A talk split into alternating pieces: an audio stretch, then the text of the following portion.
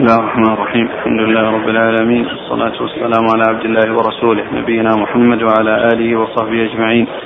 أما بعد قال الإمام الحافظ أبو عيسى الترمذي رحمه الله تعالى قال في جامعه في كتاب العلم باب ما جاء في الأخذ بالسنة واجتناب البدع واجتناب البدع. الحديث الثالث قال حدثنا مسلم بن حاتم الأنصاري البصري قال حدثنا محمد بن عبد الله الأنصاري عن أبيه عن علي بن زيد عن سعيد بن المسيب قال قال أنس بن مالك رضي الله عنه قال لي رسول الله صلى الله عليه وعلى آله وسلم يا بني إن قدرت أن تصبح وتمسي ليس في قلبك غش لأحد فافعل. ثم قال لي يا بني وذلك من سنتي ومن أحيا سنتي فقد أحبني ومن أحبني كان معي في الجنة. وفي الحديث قصة طويلة. قال أبو عيسى هذا حديث حسن غريب من هذا الوجه. ومحمد بن عبد الله الأنصاري ثقة وأبوه ثقة وعلي بن زيد صدوق. إلا أنه ربما يرفع الشيء إلا أنه رب ربما يرفع الشيء الذي يوقفه غيره. قال وسمعت محمد بن بشار يقول قال أبو الوليد قال شعبة حدثنا علي بن زيد وكان رفاعا. ولا نعرف لسعيد بن المسيب عن أنس رواية إلا هذا الحديث بطوله.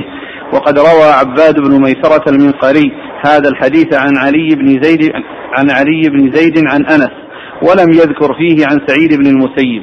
قال أبو عيسى وذكرت به محمد بن إسماعيل فلم يعرفه ولم يعرف لسعيد ولم يعرف لسعيد بن المسيب عن ولم يعرف. ولم يعرف لسعيد لسعيد بن المسيب عن أنس هذا الحديث ولا غيره. ومات أنس بن مالك سنة ثلاث وتسعين. ومات سعيد بن المسيب بعده بسنتين.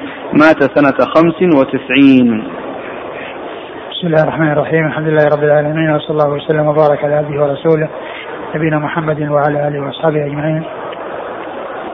أما بعد فهذا الحديث الذي أورده المصنف يتعلق بإحياء السنة والأخذ بالسنة وترك البدع. و وهذا الحديث الصحابي. أنس. أنس قال.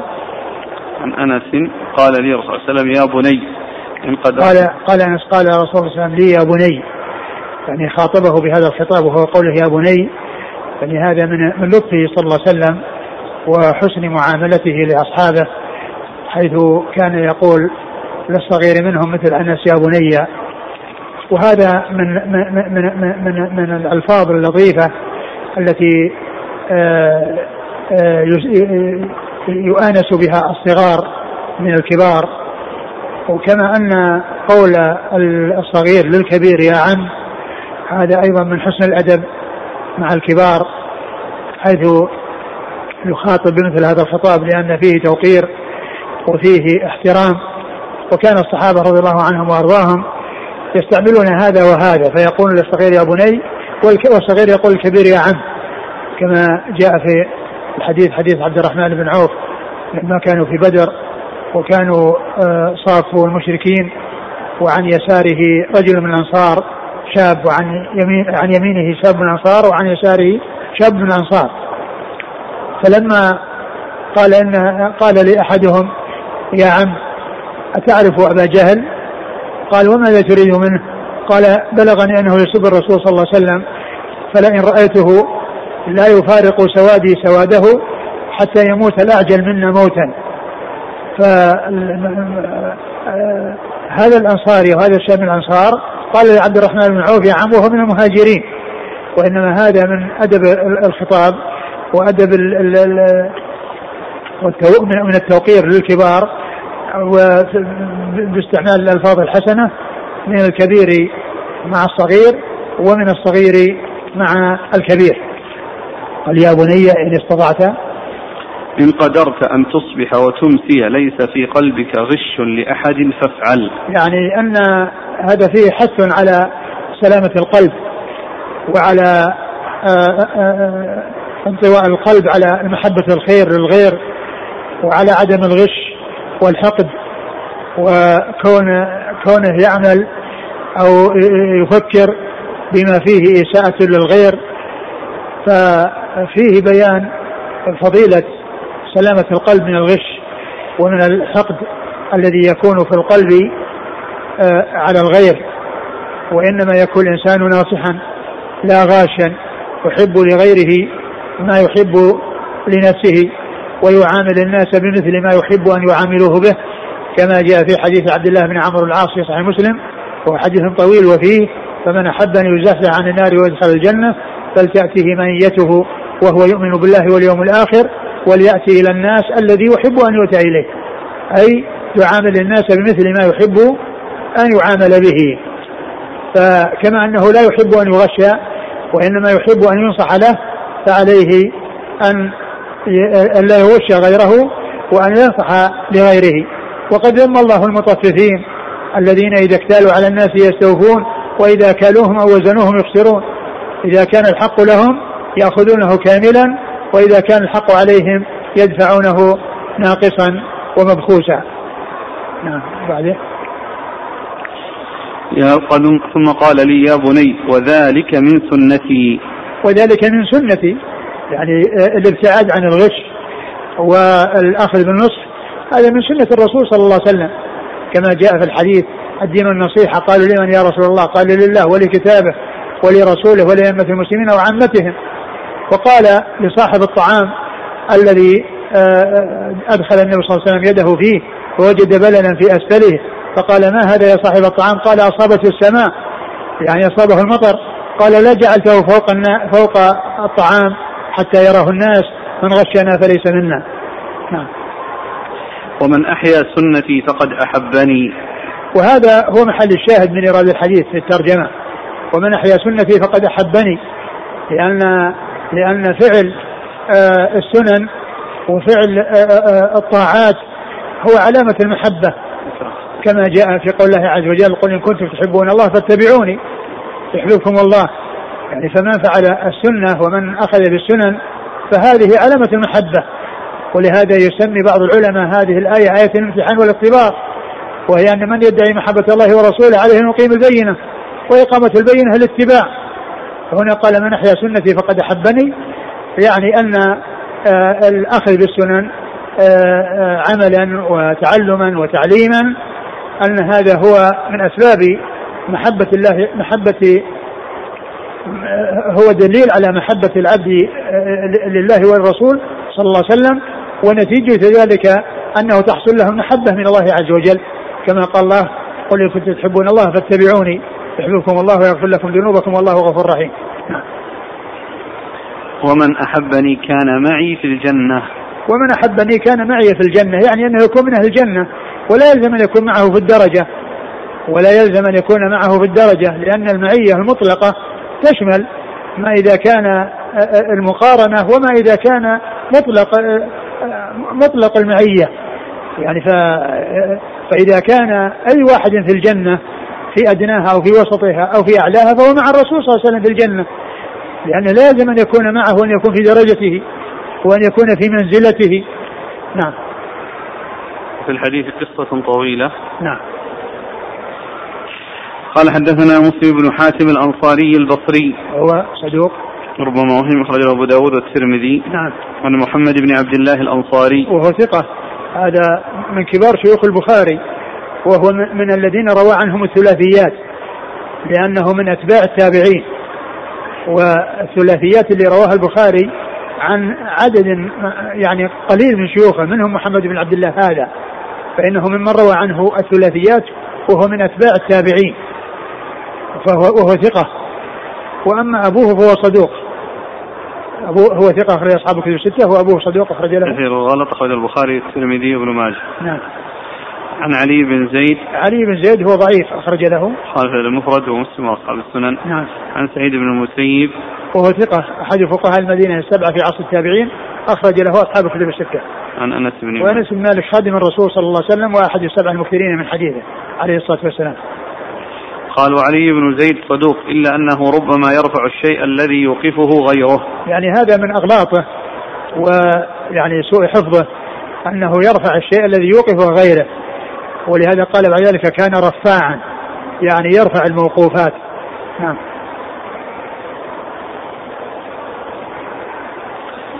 وقد قال وسمعت محمد بن بشار يقول قال أبو الوليد قال شعبة حدثنا علي بن زيد محمد بن بشار هو ثقة أخرج أصحابه في الستة والوليد هو الطيالسي ثقة أخرج أصحابه في الستة نعم ولا نعرف لسعيد بن المسيب عن أنس رواية إلا هذا الحديث بطوله وقد نعم. روى عباد بن ميسرة المنقري هذا الحديث عن علي بن زيد عن أنس ولم يذكر فيه سعيد بن المسيب. يعني أنه جاء في بعض طرقه عن سعيد المسيب وسعيد المسيب لا يعرف له رواية عن أنس إلا هذا الحديث. وفي بعض الطرق أن أن علي بن زيد لم يذكر سعيد المسيب. لم يذكر سعيد المسيب نعم. قال أبو عيسى وذكرت به محمد بن إسماعيل فلم يعرف ولم يعرف لسعيد بن المسيب عن أنس هذا الحديث ولا غيره لم يعرف هذا الحديث ولم يعرف لسعيد المسيب هذا الحديث ولا غيره لأن سعيد المسيب ليس معروفا بالرواية عن أنس وليس له رواية عنه ولعل السبب في ذلك أن هذا في المدينة وذاك في العراق في البصرة اللي هو أنس رضي الله عنه. وهذا كان في المدينة. نعم. ومات أنس بن مالك سنة ثلاث وتسعين ومات سعيد بن المسيب بعده بسنتين مات سنة خمس وتسعين. يعني أنهم في زمن واحد واللقي ممكن. اللقي ممكن بينهما لأن حياة سعيد المسيب كانت آه، يعني في حياة أنس والفرق بينهما سنتان في الوفاة. الفرق بينهما في الوفاة سنتان فالإمكان اللقي ممكن. لكن الرواية ما عرف له رواية إلا هذا الحديث. نعم. الحديث. والحديث في إسناده علي بن زيد وهو ضعيف. نعم.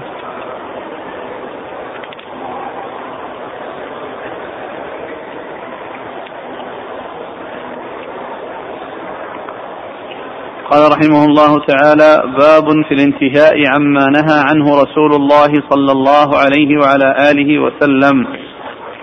قال حدثنا هناد قال حدثنا أبو معاوية عن الأعمش عن أبي صالح عن أبي هريرة رضي الله عنه أنه قال قال رسول الله صلى الله عليه وعلى آله وسلم اتركوني ما تركتكم فإذا حدثتكم فخذوا عني. فإنما هلك من كان قبلكم بكثرة سؤالهم واختلافهم على أنبيائهم. قال أبو عيسى هذا حديث حسن صحيح. ثم قال أبو عيسى باب في الانتهاء عما نهى عنه الرسول صلى الله عليه وسلم. أي أن المسلم آه، أمام النواهي ليس له إلا الانتهاء والكف كما أنه عند الأوامر يعني عليه الاستسلام والانقياد. فيكون يعمل على أن يراه الله حيث أمره ولا يراه حيث نهاه. يراه الله حيث أمره الممتثل للأوامر. يراه فاعلا للعبادة قائما بأمر الله منقادا لأمر الله يفعل ما أمر به من الطاعات ولا يكون ولا يراه الله حيث نهاه. يعني لا لا يراه متلبسا بالمعاصي وقد نهي عنها وإنما يكون ممتثلا الطاعات بعيدا عن المعاصي. يمتثل المأمور ويجتنب المحظور.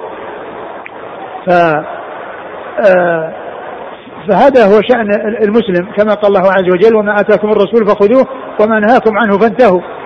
فهو يمتثل بكل أمر أمر به وينتهي عن كل نهي نهى عنه. كما قال الله عز وجل أيضا وما كان لمؤمن ولا مؤمنة إذا قضى الله ورسوله أمرا أن يكون لهم الخير من أمرهم. فإذا كان أمر فيه إلزام ليس أمام الإنسان إلا التنفيذ وعدم والفعل وعدم الترك. وإن كان يتعلق بنهي ومنع فعليه الابتعاد والامتناع واجتناب هذا الشيء الذي نهي عنه. وكذلك قول الله عز وجل فليحذر الذين يخالفون عن أمره أن تصيبهم فتنة أو يصيبهم عذاب أليم. فيكون الإنسان في ما يتعلق بالأوامر ممتثلا لها وفيما يتعلق بالنواهي مجتنبا لها. وهذا هو معنى شهادة أن محمد رسول الله كما ذكر ذلك الشيخ محمد بن الوهاب رحمه الله في الأصول الثلاثة. قال معنى الشهادة طاعته فيما أمر وتصديقه فيما أخبر واجتناب ما نهى عنه وزجر وأن لا يعبد الله إلا بما شرع. قال إيش؟ اتركوني ما تركتكم. اتركوني ما تركتكم.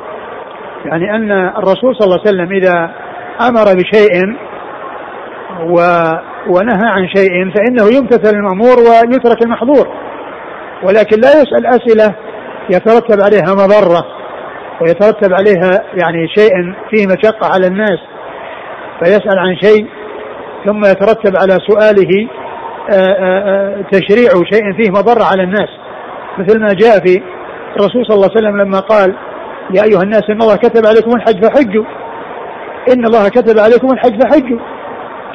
يعني الواجب هو الامتثال لهذا ومعلوم أن مثل ذلك إنما يكون مرة واحدة لا يكون دائما وابدا هذا هو الأصل.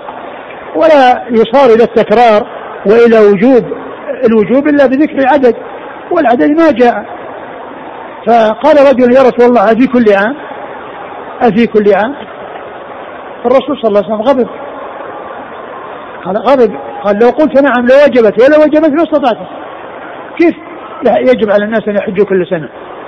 كل واحد قادر يجب عليه أن يحج كل سنة. هذا شيء عظيم وهذا شيء شاق. والله عز وجل شرع فيسر ولم يكلف الناس ما لا يطيقون. فهذا من الأسئلة التي آه المطلوب هو عدم الإقدام على شيء منها لأنه يترتب عليها مضرة. ولهذا قال اتركوني ما تركتكم فإنما أهلك من كان قبلكم كثرة مسائلهم يعني الأسئلة التي فيها تشديد أو فيها شيء من التعنت أو فيها شيء يترتب عليه مضرة. فإنما أهلك, أهلك من كان قبلكم كثرة مسائلهم واختلافهم على أنبيائهم مثل ما حصل لبني إسرائيل من التكلف والتعنت فيما يتعلق بالسؤال عن البقرة وقد أمروا ببقرة فكان يكفيهم أي بقرة ولكنهم شددوا فشدد الله عليهم. ويعني فذروني ما تركت اتركوني ما تركتكم فإنما أهلك من كان قبلكم كثرة مسائلهم واختلافهم على أنبيائهم. إيش؟ في الحديث؟ اتركوني ما تركتكم فإذا حدثتكم فخذوا عني. فإنما هلك. فإنما إذا حدثتكم فخذوا عني.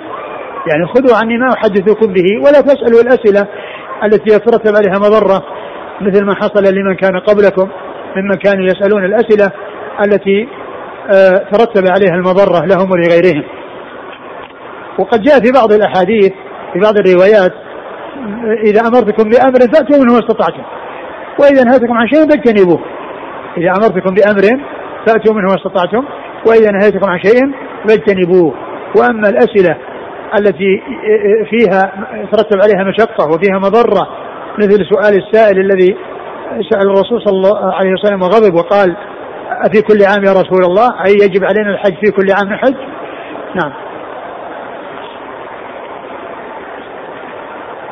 قال حدثنا هناد. هناد بن السري ثقة أخرجه البخاري في خلق أفعال العباد ومسلم وأصحاب السنة. عن أبي معاوية ومحمد بن خازم الضرير الكوفي ثقة أخرج له أصحاب الكتب الستة. عن الأعمش سليمان بن مهران ثقة أخرج أصحاب الكتب الستة. عن أبي صالح وهو ذكوان السمان ثقة أخرج أصحاب الكتب الستة. عن أبي هريرة رضي الله عنه وأكثر وهو أكثر الصحابة حديثا. يقول السائل قول صلى الله عليه وسلم اتركوني ما تركتكم هل ينطبق على العالم مع المتعلم أم هو خاص بالأنبياء التنطع ما هو طيب. لأنه معلوم أن التشريع, التشريع مستقر والشريعة مستقرة. وفي زمن الرسول صلى الله عليه وسلم الوحي ينزل. والله عز وجل قال لا تسألوا عن شيء تبدأ لكم تسؤكم و... والأسئلة التي فيها تعنت وفيها تكلف الإنسان يبتعد عنها ويسأل عن شيء له أهمية وشيء يحتاج إليه في في عمله وفي عبادته. أما أن يسأل الأسئلة الغريبة والأسئلة التي ما يترتب على العلم بها يعني آه، فائدة لا يسأل عنها.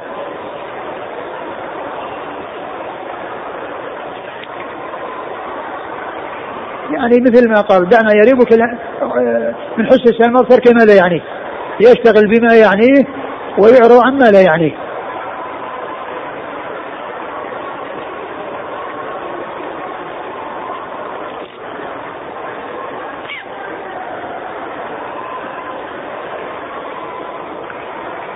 قال رحمه الله تعالى باب ما جاء في عالم المدينة. قال حدثنا الحسن بن الصباح البزار وإسحاق بن موسى الأنصاري. قال حدثنا سفيان بن عيينة عن ابن جريج عن أبي الزبير عن أبي صالح عن أبي هريرة رضي الله عنه رواية يوشك أن يضرب الناس أكباد الإبل يطلبون العلم. فلا يجدون أحدا أعلم من عالم المدينة. قال أبو عيسى هذا حديث حسن وهو حديث ابن عيينة. وقد روي عن ابن عيينة أنه قال في هذا سئل عن عالم المدينة فقال إنه مالك بن أنس. وقال إسحاق بن موسى سمعت ابن عيينة يقول هو العمري عبد العزيز بن عبد الله الزاهد. وسمعت يحيى بن موسى يقول قال عبد الرزاق هو مالك بن أنس والعمري هو عبد العزيز بن عبد الله من ولد عمر بن الخطاب. ثم قال باب في في عالم المدينة. يعني ما جاء من الحديث في عالم المدينة وأورد في هذا الحديث آه، أن النبي صلى الله عليه وسلم قال يوشك يوشك أن أن يضرب الناس أكباد الإبل يطلبون العلم فلا يجدون أحدا أعلم من عالم المدينة. يوشك أن يضرب الناس أكباد الإبل يطلبون العلم فلا يجدون أعلم من عالم المدينة أي ممن كان في المدينة. يعني في يعني وقد فسر بأنه مالك بن أنس لأنه هو إمام دار الهجرة وقيل إنه آه، عبد العزيز بن محمد عبد العزيز بن عبد الله العمري الزاهد. والمعروف أن الزاهد هو عبد الله بن عبد العزيز. أن الزاهد عبد الله ابن عبد العزيز الذي هو ابن هذا و وهو يعني الإمام مالك مشهور بالرواية كثير الرواية وأما عبد الله بن عبد العزيز فهو قليل الرواية فهو قليل الرواية لكنه قيل فيه أنه هو الذي ينطبق عليه يعني هذا ال ال هذا الحديث الذي أورده المصنف. وقوله يضربون أكباد الإبل يعني أنهم يركبون الإبل ويحثونها على السير وذلك بضرب أكبادها بكونه يضرب برجله عليها وهو راكب عليها ليستحثها في السير من أجل أن يصل إلى المدينة من أجل أن يحصل, يحصل العلماء في أي مكان وأعلم ومن يكون يعني في ذلك هو عالم المدينة.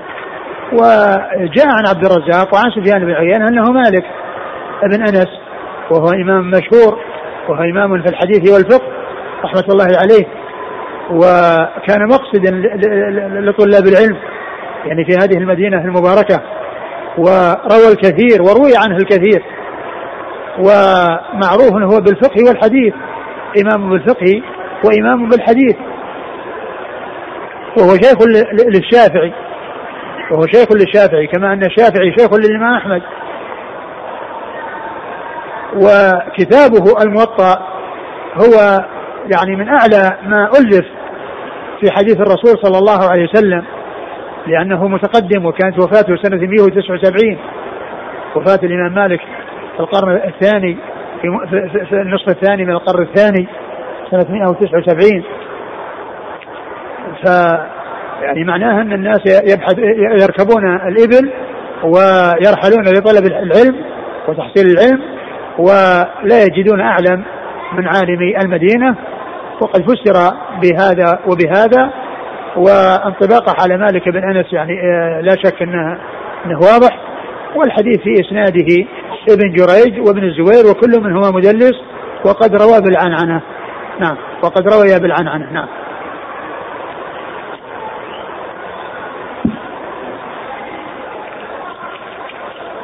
قال حدثنا الحسن بن الصباح.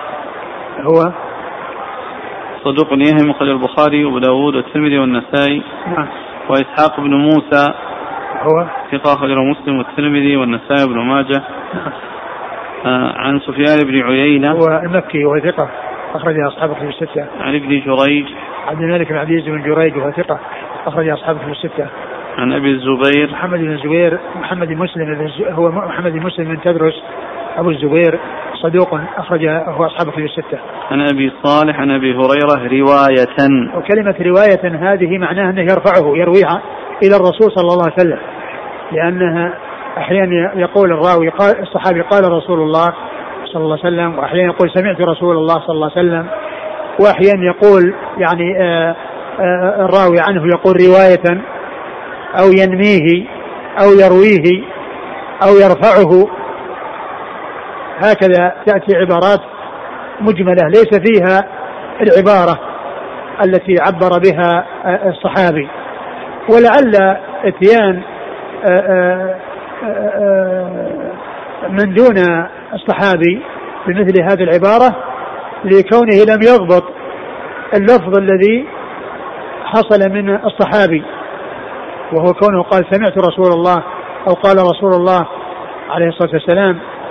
لأن يعني مثل ذلك كله يدخل تحت كلمة رواية أو يرفعه أو ينميه أو يرويه. كل ذلك يصلح أن يقال يدخل فيه سمعته وأن يدخل فيه قال. نعم.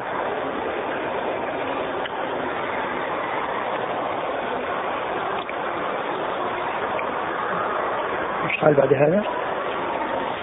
بعدها قال الرجال وقد روى عن وقد روي عن ابن عيينة أنه قال في ذلك سئل عن ما عن عالم الم من من عالم المدينة فقال إنه مالك بن أنس.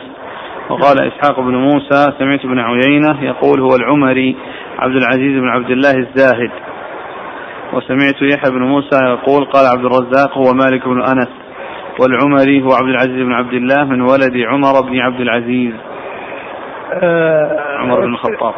الزاهد هذه قيل إنه وصف لعبد الله بن عبد بن عبد العزيز بن عبد الله العمري. وهذا رواه له أبو داود في المراسيل فقط. وأما مالك رحمة الله عليه فهو إمام يعني روى عنه روى عنه الكثيرون وروى عن الكثيرين. روى عن الكثيرين وروى عنه عنه كثيرون رحمة الله عليه. وعبد الله عبد العزيز إيش قال فيه؟ ثقة أخرجه النسائي. نعم. عبد العزيز بن عبد الله أبوه. نعم. ثقة أخرجه النسائي. وذاك ثقة أخرجه أبو؟ داود الابن نعم. أخرجه أبو داود في المراسيل. نعم. هذا هو الذي الزاهد هو الذي معروف بالزهد. ولهذا قال في ترجمته في ترجمة الزاهد إيش قال؟ حافظ بن حجر. فإنه قال ويقال أو كذا. قال ابن عيينة. قال ابن عيينة. أنه عالم المدينة. أن عبد الزاهد هذا اللي هو عبد الله. نعم. نعم. عبد الله بن عبد العزيز. نعم.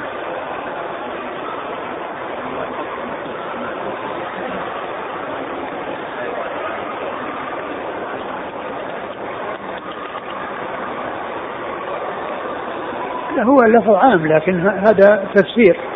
تفسير ومعلوم أن الرحلة حصلت للمدينة والامام مالك قصد في المدينة ويعني وقد اشتهر بها وصار مرجعا للعلماء.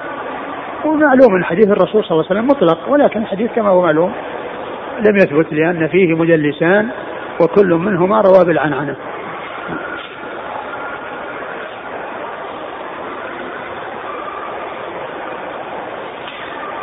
قال رحمه الله تعالى باب ما جاء في فضل الفقه على العبادة.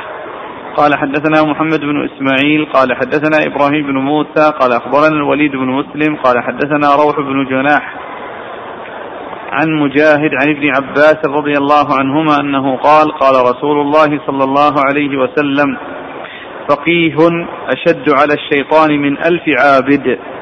قال أبو عيسى هذا حديث غريب ولا نعرفه إلا من هذا الوجه. من حديث الوليد بن مسلم. ثم قال باب في في فضل الفقه على العبادة. فضل الفقه على العبادة لأن العبادة خاصة وقاصرة وغير متعدية. وأما الفقه فهو متعدي لأن العالم علمه له ولغيره والعابد عبادته له وحده فالذي يصلي صلاته له. ويصوم صيامه له. ما حد يشارك فيه. ولكن العلم للعالم ولغير العالم. لأنه ينتفع بنفسه وينفع غيره.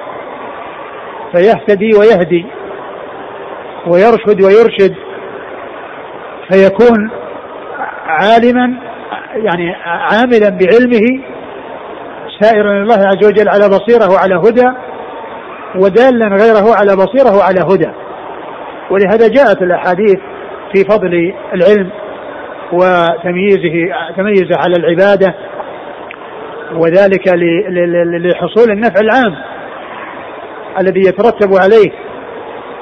ومن المعلوم وقد مر بنا قريبا أن أن من من علم علما واستفيد من علمه فإن الله عز وجل يكتب للدال على الخير ومعلم الخير مثل أجور من عمل بهذا العلم الذي وصله عن هذا المعلم.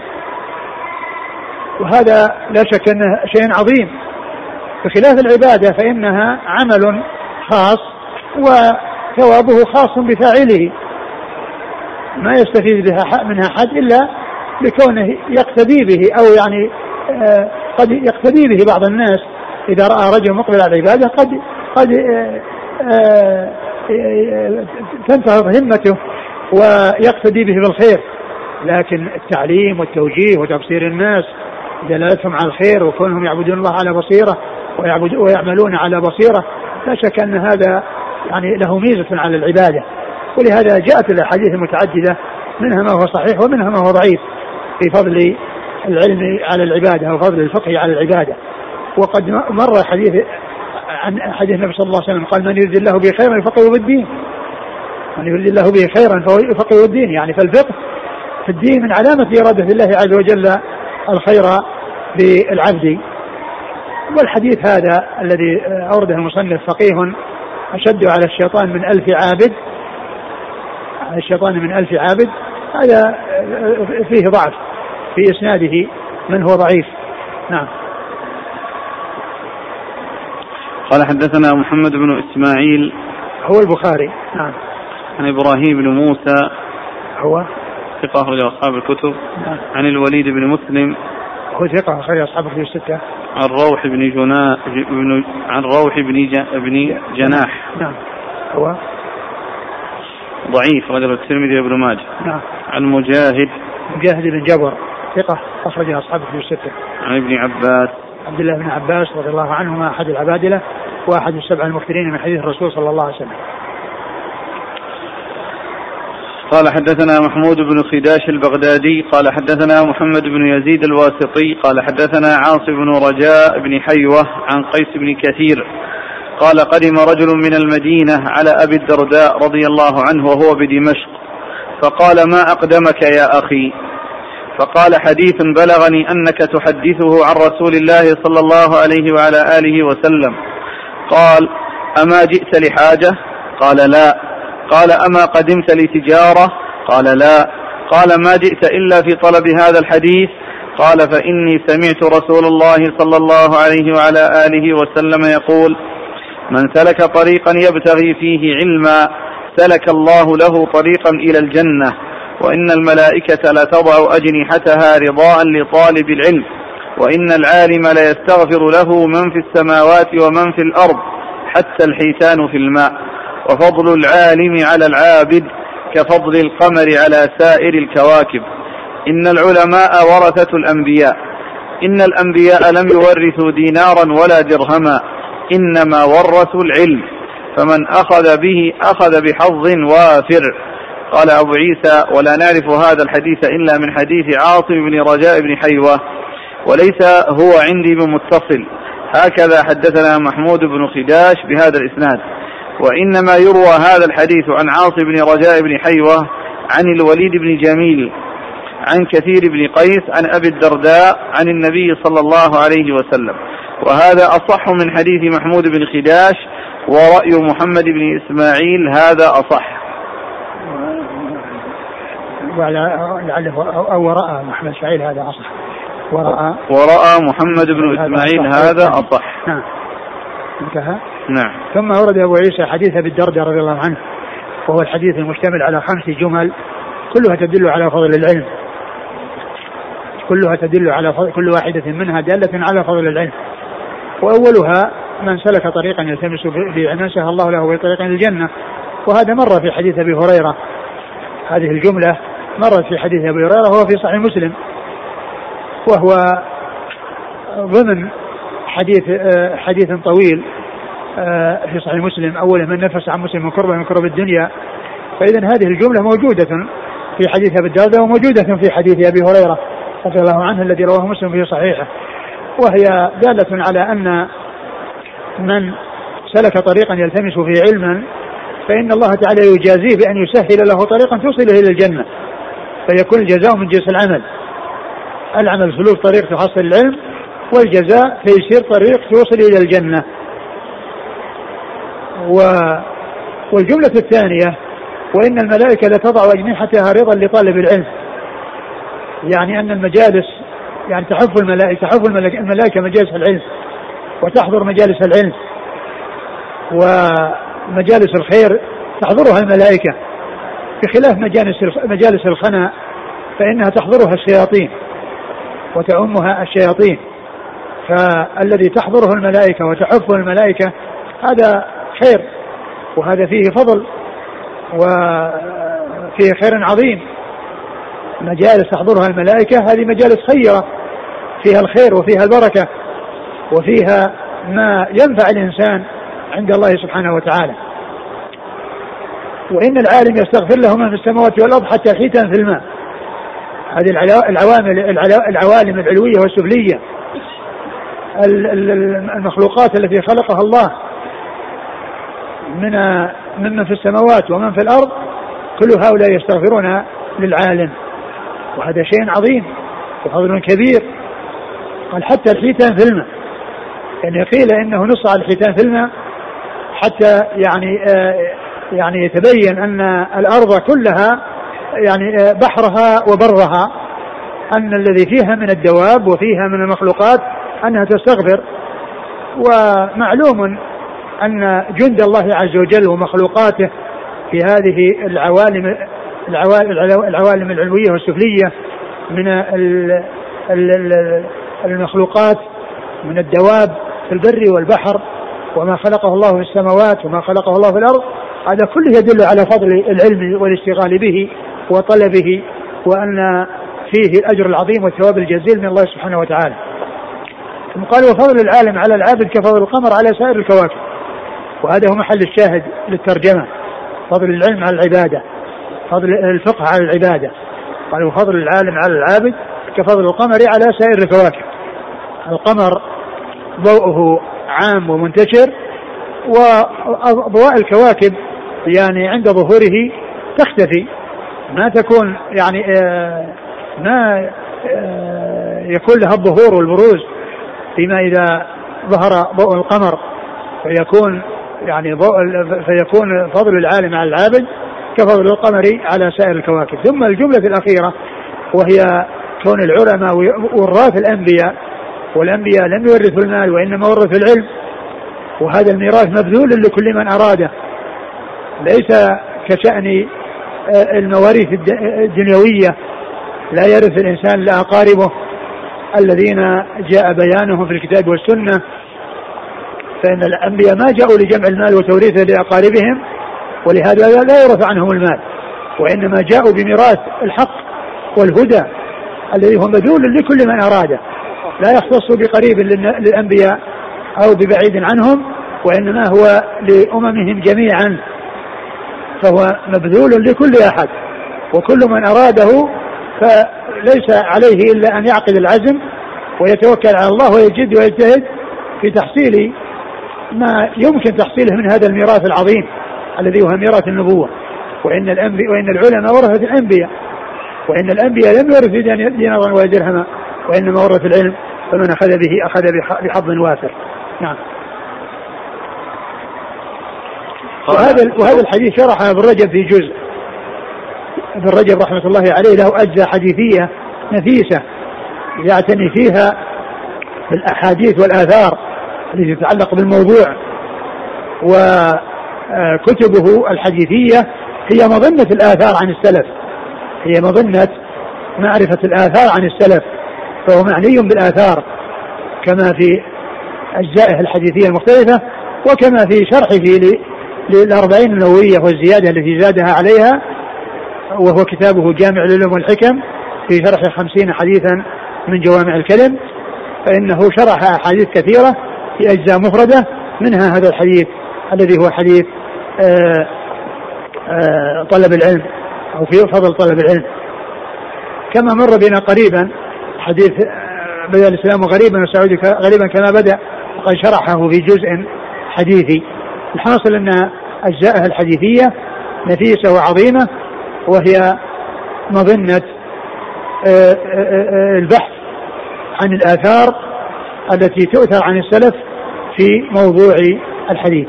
نعم. في أوله يقول قدم رجل من نعم في أوله قدم رجل من المدينة إلى إلى إلى أبي الدرداء. في دمشق. في دمشق.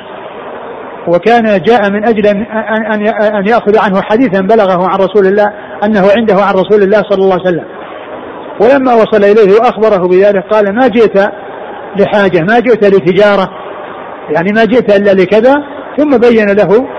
وهذا من من أصحاب الرسول صلى الله عليه وسلم فيه حفز الهمم وتشجيع من آه، يرحل من أن يحصل العلم لأنه آه، سأله أولا هل جاء لحاجة دنيوية لغرض خاص من تجارة أو غير ذلك فأخبر أنه ما جاءه إلا من أجل أن يحصل الحديث فأخبره عند ذلك بهذا الحديث المشتمل على هذه الفضائل التي يحصلها طلبة العلم وفيها أيضا الجملة الأولى التي فيها من سلك طريقا يلتمس في علما سهل الله له به طريقا إلى الجنة فإن فيه الرحلة في طلب العلم. وليس آه، مخصوصا بالرحلة فإن سلوك طريق العلم يمكن أن تكون برحلة ويمكن أن تكون بالجد والإجتهاد والاتجاه إلى الاشتغال بالعلم والتفرغ له وعدم التعلق بالصوارف التي تصرف عنه لأن هذا أيضا يدخل تحت أنه سلوك طريق يوصل إلى العلم ليس بلازم أن تكون العلم ما يحصل أو سلوك طريق الموصلة إليه ما تكون إلا بالسفر وتكون بالرحلة. لا تكون في الرحلة وتكون في غيرها. ولا شك ولا شك أن الرحلة والسفر وقطع الفيافي من أجل العلم والانتقال من بلد إلى بلد لا شك أن هذا شيء عظيم. لكن لا ليس معنى الحديث مقصورا على الرحلة والانتقال. فإن سلوك الطريق الموصل إلى العلم تكون بالرحلة وتكون في غيرها. نعم.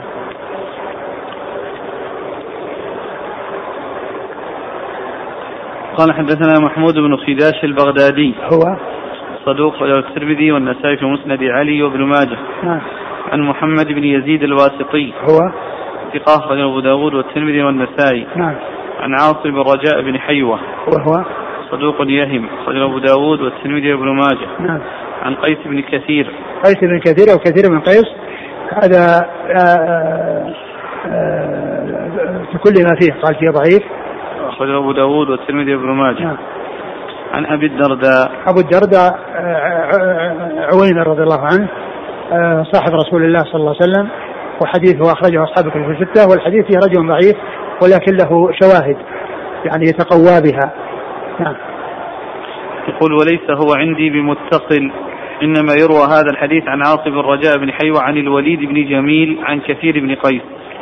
إنها الإسناد الأول يعني قال إنه ليس متصل لأن في واسطة بين بين عاصم عاصم الرجاء وبين كثير من قيس. كثير من قيس. وذكر في الإسناد الثاني نعم. والوليد بن جميل وش قال فيه؟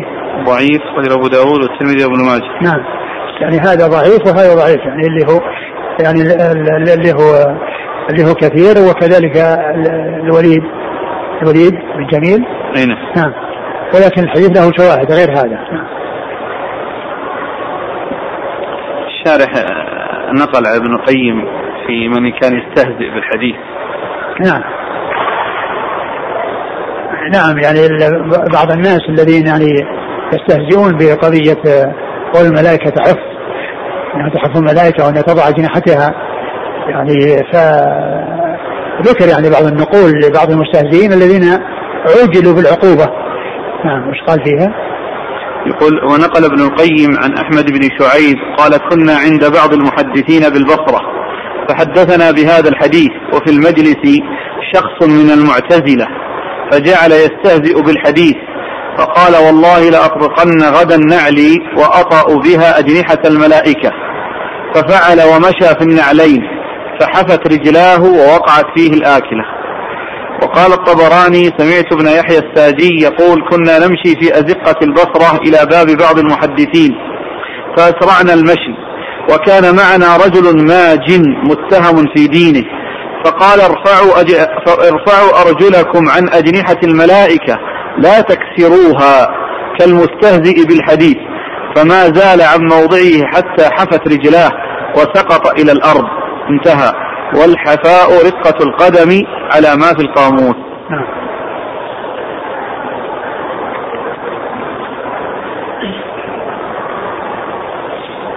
قال حدثنا هناد قال حدثنا أبو الأحوص عن سعيد بن مسروق عن عن ابن أشوع عن يزيد بن سلمة الجعفي رضي الله عنه قال قال يزيد بن سلمة يا رسول الله إني قد سمعت منك حديثا كثيرا أخاف أن ينسيني أوله آخره فحدثني بكلمة تكون جماعا قال اتق الله فيما تعلم.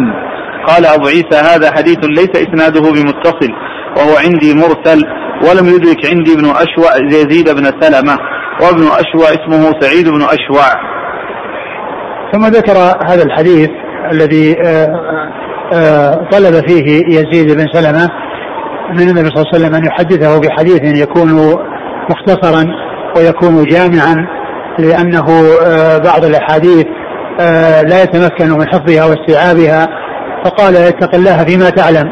اتق الله فيما تعلم يعني أن الذي تعلمه من العلم عليك أن تتقي الله فيه وذلك بأن تعمل به فتمتثل ما كان آه، من قبيل المأمورات فتأتي به وما كان من قبيل المنهيات فإنك تبتعد عنه. فما عندك من علم في الحلال والحرام ما كان من حلال ومشروع فأقدم عليه وما كان من حرام فاحذره وابتعد عنه. نعم والإسناد ذكر المصنف أن فيه علة وهي الانقطاع بين ابن أشوع وبين الصحابي. نعم. قال حدثنا هناد نعم. عن أبي الأحوص هو سلام بن سليم الحنفي ثقة أخرج أصحاب كتب الستة. عن سعيد بن مسروق هو ثقة أخرج له؟ أصحاب الكتب. نعم. عن ابن هذا ولد سفيان. سفيان الثوري. سفيان بن سعيد بن مسروق. نعم. عن ابن أشوع هو؟ سعيد بن عمرو أخرج ثقة اخرج البخاري ومسلم والترمذي. نعم. عن يزيد بن سلمة الجعفي. أخرج له. الترمذي نعم. إيش قال الترمذي بعده؟ ليس إسناده بمتصل. هو عندي مرسل لم يدرك عندي ابن أشوع يزيد بن سلمة. وهذا المرسل باصطلاح بالاصطلاح العام الذي هو الانقطاع بين الراوي والمروي عنه. فإن المرسل يطلق على إطلاقا خاصا وإطلاقا عاما. يطلق على الانقطاع كما هنا لأن هذا فيه انقطاع. وأما المرسل في الاصطلاح أن يقول التابعي قال رسول الله صلى الله عليه وسلم كذا. هذا المشهور في تعريف المرسل عند المحدثين. ولكنه يطلق اطلاقا عاما على المنقطع كما هنا قال هو مرسل لأن ابن أشوع لم لم يدرك. لم يدرك يزيد بن سلمة يزيد بن سلمة اللي هو الصحابي. نعم. قال حدثنا أبو كريب قال حدثنا خلف بن أيوب العامري عن عوف عن ابن السيرين عن أبي هريرة رضي الله عنه قال قال رسول الله صلى الله عليه وعلى آله وسلم خصلتان لا تجتمعان في منافق حسن سمت ولا فقه في الدين. أعد الإسناد؟ قال حدثنا أبو كريب قال حدثنا خلف بن أيوب العامري عن عوف عن ابن سيرين عن أبي هريرة رضي الله عنه. قال رسول الله صلى الله عليه وسلم خصلتان لا تجتمعان في منافق حسن سمت ولا فقه في الدين. قال أبو عيسى هذا حديث غريب ولا نعرف هذا الحديث من حديث عوف إلا من حديث هذا الشيخ خلف بن أيوب العامري. ولم أرى أحدا يروي عنه غير أبي كريب محمد بن العلاء ولا أدري كيف هو ثم أرد ويسع هذا الحديث الخاصتان لا تجتمعان في منافق حسن سمت وفقه في الدين. حسن سمت يعني كون هيئته حسنة وعليه الوقار والسكينة والثبات وفقه في الدين وهو آه، كونه يكون فقيها في دين الله عز وجل لأن المنافقين آه، كما هو معلوم آه، يظهرون الإيمان ويبطنون الكفر. يظهرون الإيمان ويبطنون الكفر.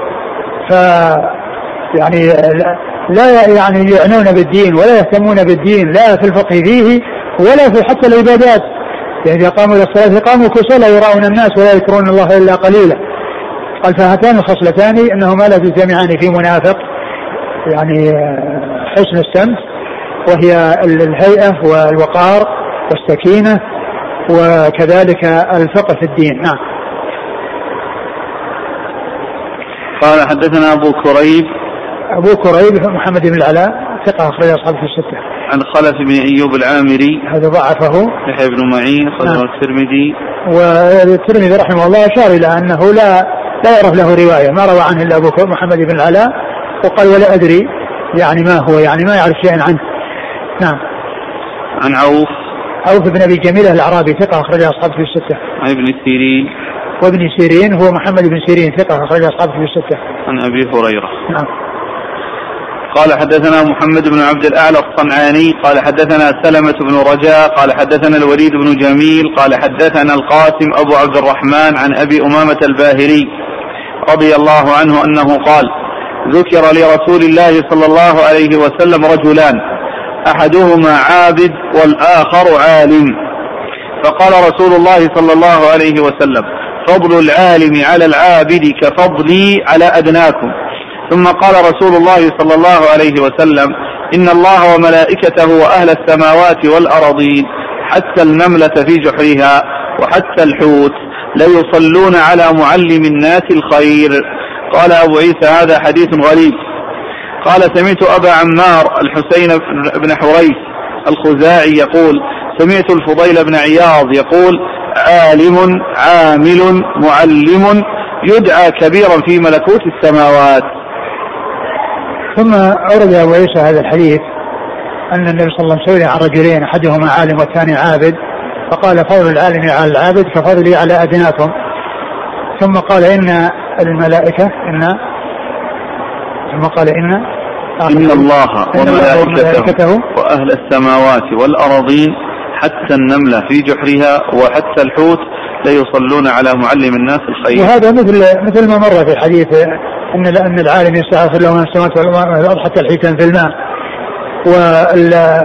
وهذا يدل على فضل العلم على العبادة وتمييز وأن العالم أفضل من العابد كما عرفنا العلم العالم علمه له ولغيره والعابد عبادته تخصه.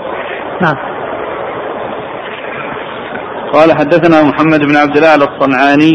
هو ثقة أخرج له. مسلم وأصحاب السنن. نعم. عن سلمة بن رجاء. هو صدوق يغرب أخرجه البخاري والترمذي وابن ماجه. نعم. عن الوليد بن جميل. هو صدوق يخطئ أخرجه البخاري المفرد والترمذي وابن ماجه. عن القاسم أبي عبد الرحمن. هو صدوق يغرب كثيرا أخرجه البخاري المفرد وأصحاب السنن. نعم. عن أبي أمامة الباهلي. أبو أمامة الباهلي سدي بن عجلان رضي الله عنه. أخرج له أصحاب في الستة قال سمعت أبا عمار الحسين بن حريث الخزاعي وهو ثقة أخرج أصحابه في الستة إلا ابن ماجه. عن الفضيل بن عياض. وهو ثقة أخرج أصحابه في الستة إلا ابن ماجه. ابن ماجه؟ نعم. فضيل بن عياض؟ نعم, نعم. يقول عالم عامل معلم يدعى كبيرا في ملكوت السماوات. يعني الذي جمع بين الأمور الثلاثة كون عالم وعامل ومعلم. يعني مستفيدا يعني عنده علم وعنده عمل بالعلم وعنده دعوة إلى هذا العلم وتبليغ لهذا العلم. يدعى كبيرا في ملك السماء يعني معناه أنه يعني يثنى عليه و... وأنه عظيم في, في عند في الملأ الأعلى. ومثل هذه العبارة ما جاء عن ابن الأعرابي قال لا يكون العالم ربانيا حتى يكون عالما عاملا معلما. لا يكون العالم ربانيا حتى يكون عالما عاملا معلما. قال حدثنا عمر بن حفص الشيباني البصري. قال حدثنا عبد الله بن وهب عن عمرو بن الحارث عن دراج عن أبي الهيثم عن أبي سعيد الخدري رضي الله عنه عن رسول الله صلى الله عليه وعلى آله وسلم أنه قال لن يشبع المؤمن من خير يسمعه حتى يكون منتهاه الجنة. هذا حديث حسن غريب. ثم رد هذا الحديث عن أبي سعيد لن يشبع المؤمن من خير يسمعه حتى يكون منتهى الجنة. يعني إرادة يعني فيما يتعلق بفضل الفقه على العبادة لأنه يعني آه، آه، يعني سماع الخير الذي هو سماع العلم وأن الإنسان لا يشبع من خير يسمعه فيما يتعلق بالعلم وتحصيل العلم حتى يكون منتهاه الجنة. يعني حتى يكون ذلك سببا في وصوله إلى الجنة ونهايته إلى الجنة. فيكون مثل الحديث الذي مر من سلك طريقا يلتمس فيه علما سهل الله له به طريقا إلى الجنة. والحديث من رواية دراج عن أبي الهيثم وهي فيها ضعف. نعم. قال حدثنا عمر بن حفص الشيباني هو؟ صدوق الترمذي. نعم. عن عبد الله بن وهب. ثقة أخرج أصحابه في الستة. عن عمرو بن الحارث. هو ثقة أيضا أخرج أصحابه في الستة. عن دراج وهو صدوق في حديث عن أبي حديث عن أبي الهيثم ضعف. البخاري المفرد وأصحاب السنن. عن أبي الهيثم. وهو ثقة أخرج له. البخاري المفرد وأصحاب السنن. نعم. عن أبي سعيد الخدري. وهو سعد بن مالك أحد السبع المكثرين من حديث رسول الله صلى الله عليه وسلم. قال حدثنا محمد بن عمر بن الوليد الكندي. قال حدثنا عبد الله بن نمير عن إبراهيم بن الفضل عن سعيد المقبوري عن أبي هريرة رضي الله عنه أنه قال قال رسول الله صلى الله عليه وعلى آله وسلم الكلمة الحكمة ضالة المؤمن فحيث وجدها فهو أحق بها. قال أبو عيسى هذا حديث غريب لا نعرفه إلا من هذا الوجه. وإبراهيم بن الفضل المدني المخزومي يضعف في الحديث من قبل حفظه. ثم أورد هذا الحديث الحكمة الكلمة الحكمة ضالة المؤمن فحيث وجدها فهو أحق بها. فحيث وجدها فهو أحق بها. الحكمة أو الكلمة الحكمة أي الكلام الحكيم أو الكلام الذي هو حق. هو ضالة المؤمن أين وجده؟ فإنه يأخذه. أين وجده؟ فإنه يأخذه. والإسناد لهذا الحديث آه، فيه ضعف لأن فيه آه، إبراهيم بن الفضل. نعم. الإسناد. قال حدثنا محمد بن عمر بن الوليد الكندي. هو؟ صدوق وله الترمذي والنسائي وابن ماجه. نعم. عن عبد الله بن نمير. ثقة أخرج أصحابه في الستة. عن إبراهيم بن الفضل. وهو؟ متروك نعم. الترمذي وابن ماجه. نعم. عن سعيد المقبري. سعيد بن أبي سعيد المقبري ثقة أخرج أصحابه في الستة. عن أبي هريرة. نعم. انتهى. انتهى الباب. نعم. والله أعلم وصلى الله وسلم وبارك على أبي ورسول نبينا محمد. وعلى آله وأصحابه أجمعين. جزاكم الله خيرا وبارك الله فيكم ألهمكم الله الصواب ووفقكم للحق. ونفعنا الله بما سمعنا وغفر الله لنا ولكم وللمسلمين أجمعين. آمين, آمين.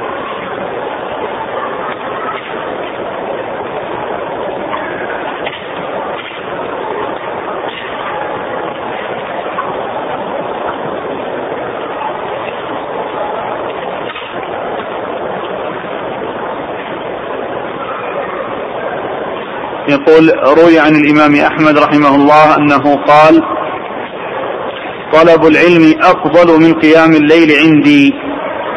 فهل يصح الاستدلال بهذا أو هل يصح استدلال المرء بترك كل مستحب بحجة هذا القول وأنه يطلب العلم؟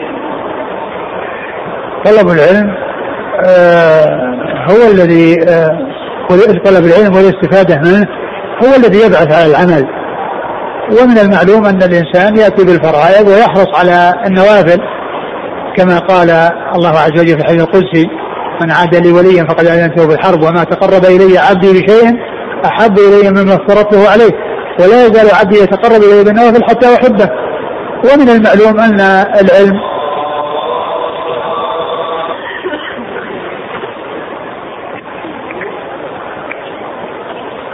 الإنسان يعني لا يهمل العبادة بل عليه أنه يجمع بين العلم وبين العبادة. ومن المعلوم أن كل إنسان يصلي من الليل ما يصلي لا يكون مانعا آه، الانشغال بالعلم يعني لا يمنع من هذا بل يعني يأتي بهذا وبهذا يشتغل في العلم في وقته ويصلي الصلوات التي يصليها من الليل في وقته ولا آه، يترك يعني هذا. كون الإنسان يصلي الليل كله طبعا هذا مشقه والرسول صلى الله عليه وسلم ما كان يفعل هذا انما كان يصلي وينام كان كان يقوم كان يصوم ويفطر ويصلي وينام عليه الصلاه والسلام ما هو كل ليلة يعني عبادة وإنما يصلي وينام صلى الله عليه وسلم. فكذلك يعني الإنسان ما يقول إنه يعني يشتغل بالعلم ويترك العباده أو صلاة الليل يصلي ما امكنه من صلاة الليل ولا يكون ذلك مانعا من العلم بل العلم له وقته ووقت كثير لمن أراده والعبادة يأتي بها في في وقتها. يقول حديث ابن عباس رضي الله عنهما فقيه واحد أشد على الشيطان من ألف عابد حكم عليه الشيخ الألباني بالوضع لماذا؟ لأن فيه الرجل اللي فيه ضعيف اتهمه بعضهم بالكذب. هذا اللي الضعيف الذي فيه من هو؟ في رجل ضعيف.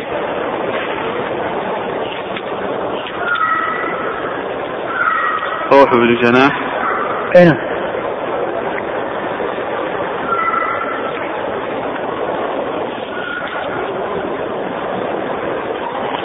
قول الرسول صلى الله عليه وسلم في حديث سابق المرء مع من أحب. أليس فيه دليل على أنه معه في نفس الدرجة؟ وذلك لأن الصحابي كان يشتاق إليه. ليس بلازم. ليس بلازم أن يكون يعني أنه يكون معه آآ آه، آآ آه، كل من يعني لأنه كما هو معلوم المؤمنون يحبون الله يحبون الرسول صلى الله عليه وسلم. وليس كلهم معه في درجة واحدة. وإنما هم متفاوتون يقول شيخنا حفظكم الله هل يشترط لتسمية العمل بأنه بدعة؟ أن يكون العمل يتقرب به يتقرب به فاعله إلى الله تبارك وتعالى. لأن البعض مثلا يقول نحن لا نريد باحتفالنا هذا التقرب إلى الله وإنما هو للفرح لا غير. فهم يتخذون أعيادا إضافة إلى العيدين بهذه الحجة. كما هو معلوم الإنسان لا يعمل عمل إلا وفقا لما جاء به الشرع ومعلوم أن هذا من الأمور المحدثة. لو كانت لو كان يعني هذا الذي فعلوه خيرا لسبقهم إليه الصحابة وسبقهم إليه التابعون وأتباع التابعين. وكل من القرون الثلاثة ما يعرفون هذه الموالد. لا, يع... لا ليس عندهم شيء من هذه الموالد ولا يعرفون شيء من هذه الموالد. هذه كلها محدثة أول محدث في القرن الرابع. 300 سنة كاملة لا يوجد للموالد فيها ذكر. والمؤلفات التي ألفت في القرون الثلاثة المتقدمة ما فيها شيء يتعلق بالموالد ولا فيها ذكر الموالد. وإنما الموالد ولدت في القرن الرابع. ولدت وقبل ذلك كانت في عالم الأموات. لا ليس لها وجود. والذين أحدثوها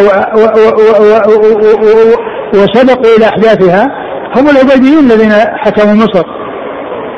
كما ذكر ذلك المقريزي في كتابه الخطط والآثار في تاريخ مصر. فإنه قال ان إنهم أحدثوا ستة موالد. مولد الرسول صلى الله عليه وسلم ومولد علي ومولد فاطمة ومولد الحسن ومولد الحسين ومولد الحاكم الموجود من حكامهم. فإذا هم أول من أحدثها. وكانت ولايتهم لمصر كانت في القرن الرابع الهجري. إذا يعني الإنسان يعني يفعل هذا الفعل الذي هو فرح مثل ما يفرح في العيد مثل ما يفرح في العيد لأنه يعني لأنه جاء فيه يعني ما يدل عليه.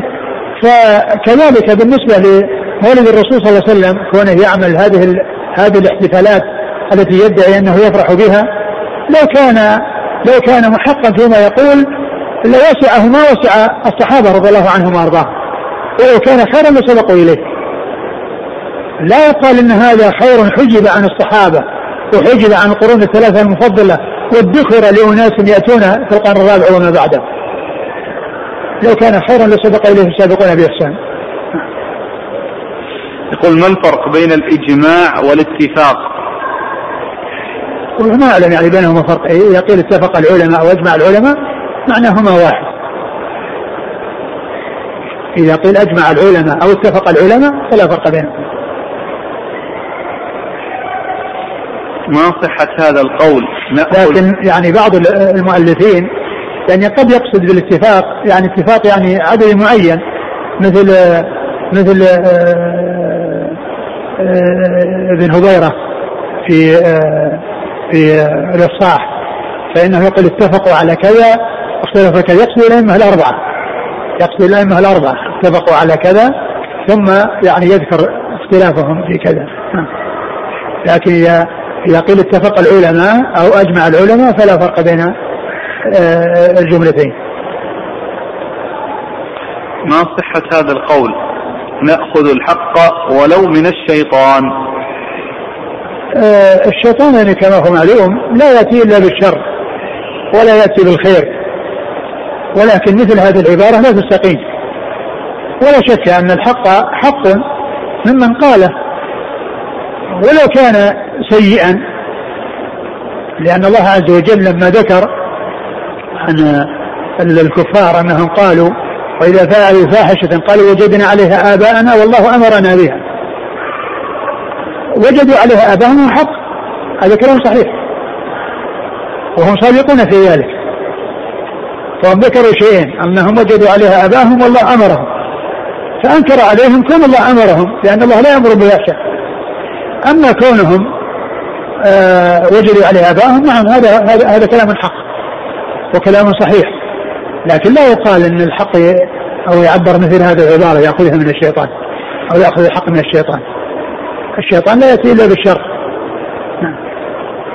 يقول لماذا نهي الصحابة عن السؤال مع أن الدين سوف يكمل ويحرم الحرام ويحل الحلال سواء سألوا أم لم يسألوا؟ هو كما هو معلوم ال ال الله عز وجل شاء أن يكون بيان الحلال والحرام فيه في سؤال وفيه بدون سؤال. لأن الشريعة كما هو معلوم هي جاءت بأسئلة وبغير أسئلة. وكل ذلك مقدر. الله عز وجل قدر أن أن أن, أن مثل هذا الحكم يبين بسؤال وأن مثل هذا يبين بغير سؤال. فالشيء الذي نهي عنه الشيء التكلف الذي فيه تكلف والذي فيه آه، تنطع. والذي فيه تشديد مثل الرجل الذي قال أفي كل عام يا رسول الله؟ هذا كلام ما كان ينبغي أن يسأل عنه. جزاكم الله خيرا سبحانك اللهم وبحمدك أشهد أن لا إله